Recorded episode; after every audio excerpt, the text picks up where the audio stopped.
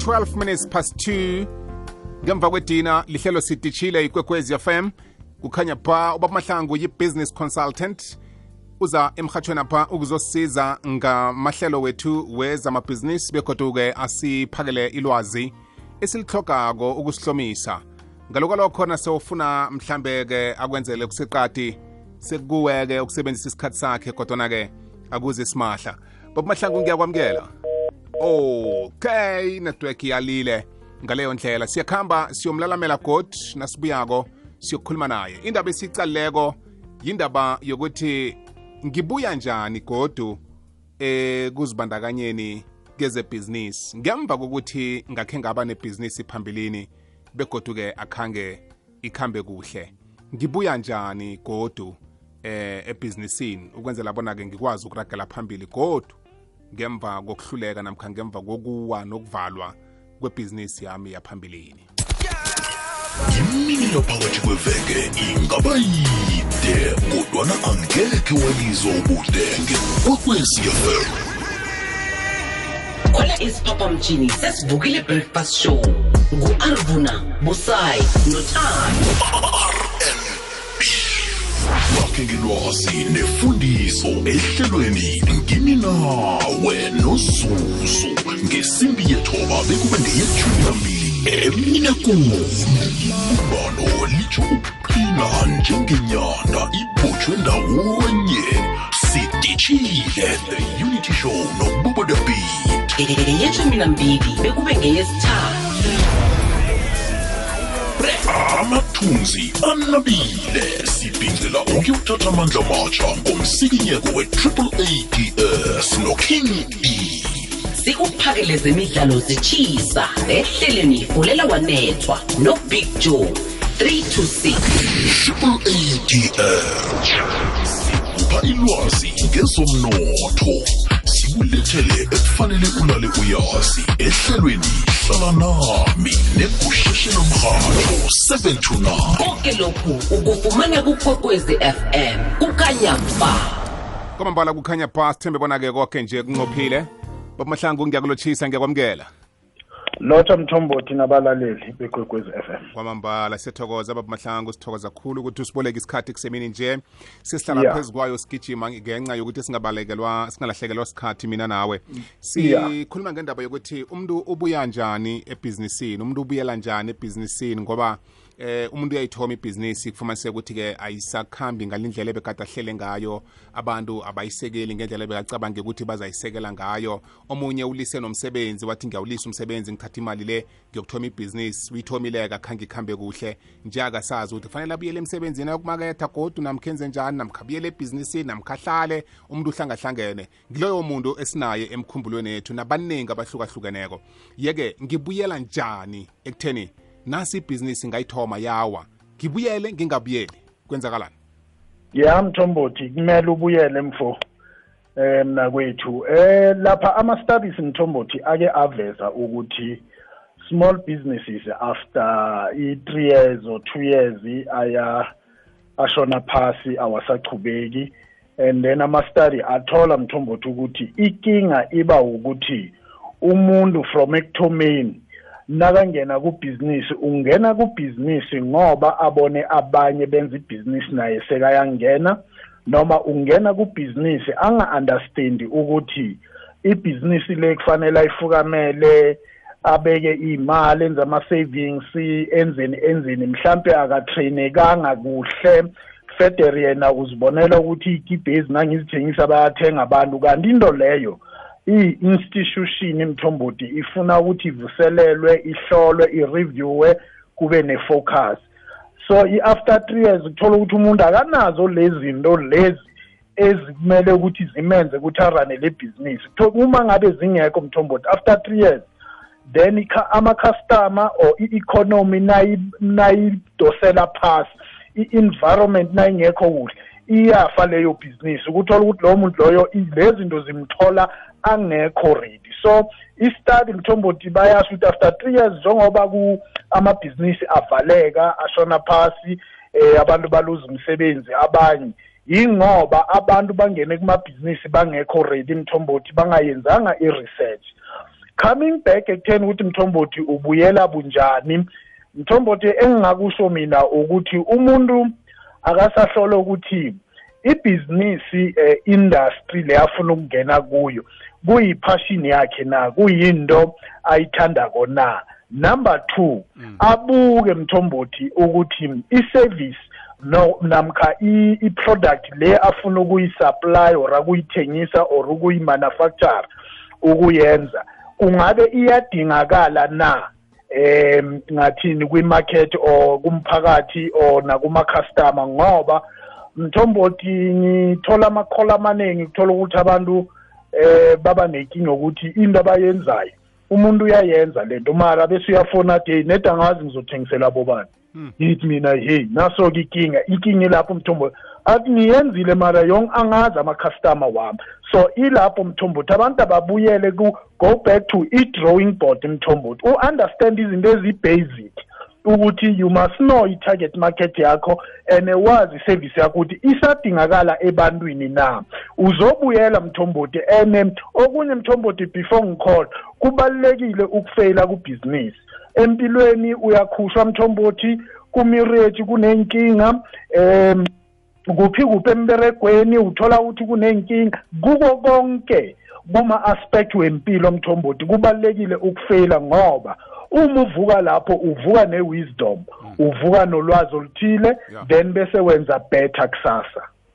Kwamabhala babamahlangu kuyazwakala bengifuna vele ukuthi sithinde yokuthi kuqakathekile ukuthi ibhizinisi ibe nenkhisi ohlangabezana nazo ngoba kukulapha okukhona ukufunda kikho. Ukwenzela ukuthi-ke ulungise la kufanele ulungise khona. Ngoba abaningi bethu asifuni ukuthi sihlangane nentshijilo sifuna ukuthi yonke ibhizinisi nje ichelele ikhambe kuhle kabuthaka kube lula kuthome njaya-ke ngithole i-funding lula yonke into ikhambe lula lula lula lula.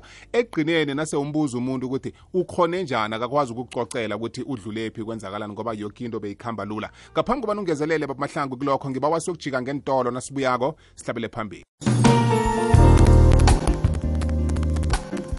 Alright sibuyile siku-21 minutes past uh, 2 sekunento ekuhamba ihoroza lapha ngiyazi buyaphi ithome nini.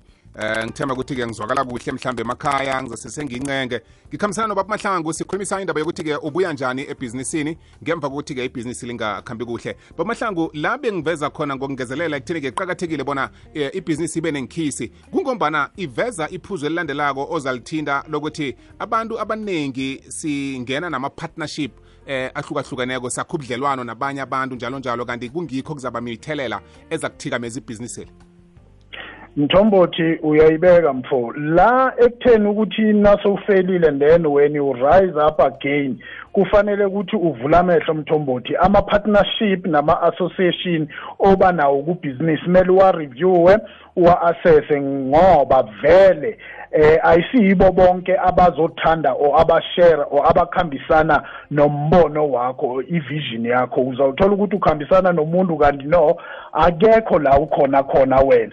So kubalulekile ukuthi na ubuyako kubhizinisi usefe mthombothi ufake isisurface ukuthi no lo ngizokhambisana naye lo ngiyamshiya sengizohamba nalama institution njalo njalo. Ngoba mthombothi ezinye zezinto eh, i-influence enye embi etholakalayo ukuthi eh, e- e- e-resulta ukuthi amabhizinisi afail ukuthi abantu bekhethu sebathande into le yemali kanti imali mthombothi nawenze ibhizinisi kahle imali iyazizela. Yenza ibhizinisi kahle iservice yakhe iproduct yakho uyipolishe ibe ibe right itsekeme ngindlula ngendlela lokucekema kuzongidosa ukuthi ngi- ngibuze ukuthi malini bese ngiyathenga. Manje abantu bese abatsekemisi ni abapolishi ni ujumpa from one business to another. Kusasa wenza i-construction kusasa wenza amagwinya kusasa wenza i-tuck shop kusasa wenza ini. I-focus ayikho lapho mthombothi. I-commitment ayikho lapho mthombothi. Uyabona? Manje yinkinga leyo. Abantu ababuyele. Uma angabe ufelile kule bhizinisi lokuthoma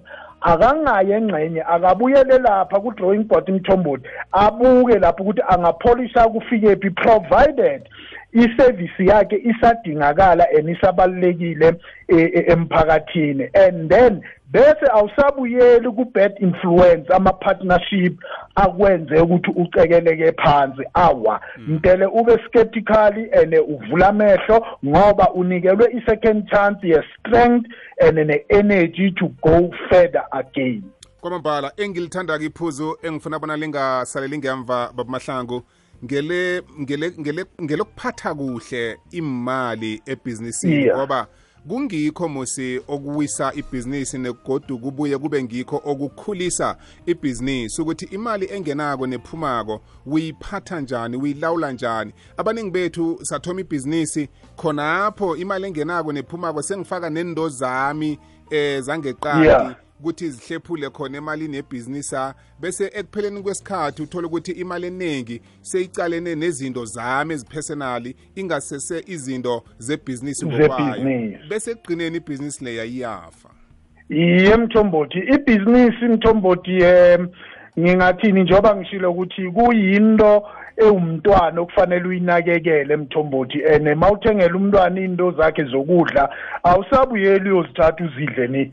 Njani manje? Uthengele yena mos. Manje mthombothi iya lapha kudiscipline ukuthi imali yebhizinisi yebhizinisi ayihlale kubhizinisi. Bese mthombothi engigcizelelako engiba ukuthi abantu ba- aba-athende mthombothi ama-workshop we-financial management umuntu akasarejiste for financial manage- management abuye akuhambe aye kuma-financial accountant a- financial advice because ku-finance sinabo management operation uh, marketing but the engine yayo yonke i-management yebhizinisi whether is an international business, business or local i-finance Yeah.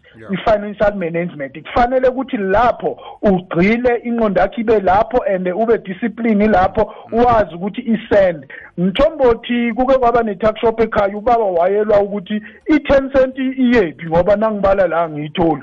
Sithi thine umdala angakhalela i-ten cent. Kanti nomthombothi wayenediscipline azi ukuthi yonke into kumele ibe accountable. I-ten cent le iphume bunjani iyephi? So abantu abasifundise ku-financial management mthombothi ngoba vele the biggest fall eyenzeke kumabhuz- kumabhizinisi yindaba ye-mismanagement of i-finance. Abantu azange bayiberegise kahle. Usuyathenga lapha ama-whisky uyaswipa ngegama- nge- nge- nge- ngekhadi lebhizinisi. Usuye ema-k f c uswipa right through lapha federe yena uku-honeymoon mara ibhizinisi mara egcineni izofogola mthombothi bese iya- iya- iyafa. Kwamambala ngenxa yesikhathi babamahlangu sesiyayisonga njalo bese ekugcineni siyobanikela inomboro la bangakuthinda khona. Eh uveze indaba ekulu yokuthi ibhizinisi olenzako yinto oyithandako na? Ngombana Yeah. eh, into eyiba yikinga ebhizinisini abantu bagijimisa ibhizinisi kuthiwa ngilo elifaka imali linemali eningi umbonile usigede eh Yeah. limenzela imali eningi kangangani undlondlobaliswe Yeah. ngilo mhlobo webhizinisi. Bese sonke sithi rrrr, sifuna ukuyokungena lapho. Yeyi walimala ya kodwana kuhle ukucala ukuthi ngichaphe kuphi ekuthomeni. Awuzwa ke. lento beyidingeka ngaleso sikhathi namkhanjani na? Eh ulungise konke lokho. Bese ekugcineni yinto oyithandako na? Asisonke baba mahlangu bese ubanikela nenomboro zakho. Mthombothi ngiyathokoza. Um inomboro zami zithi 074 937 3350 074 937 3350 mthombothi sengivala. Ayikho into edifita i-focus ne-commitment. Focusa lapho uzima akasiyi i-stupid ni akasiyisilima mthombothi. Yonke into ofocuse kuyo kuzoba nomphumela lapho ngiyathokoza akube imini emnandi. You. Ngomambala ngubaba ufrance mahlangu. Ebesikhambisana naye qobe ngabo lesithathu kuhlekana no-isaac thubane.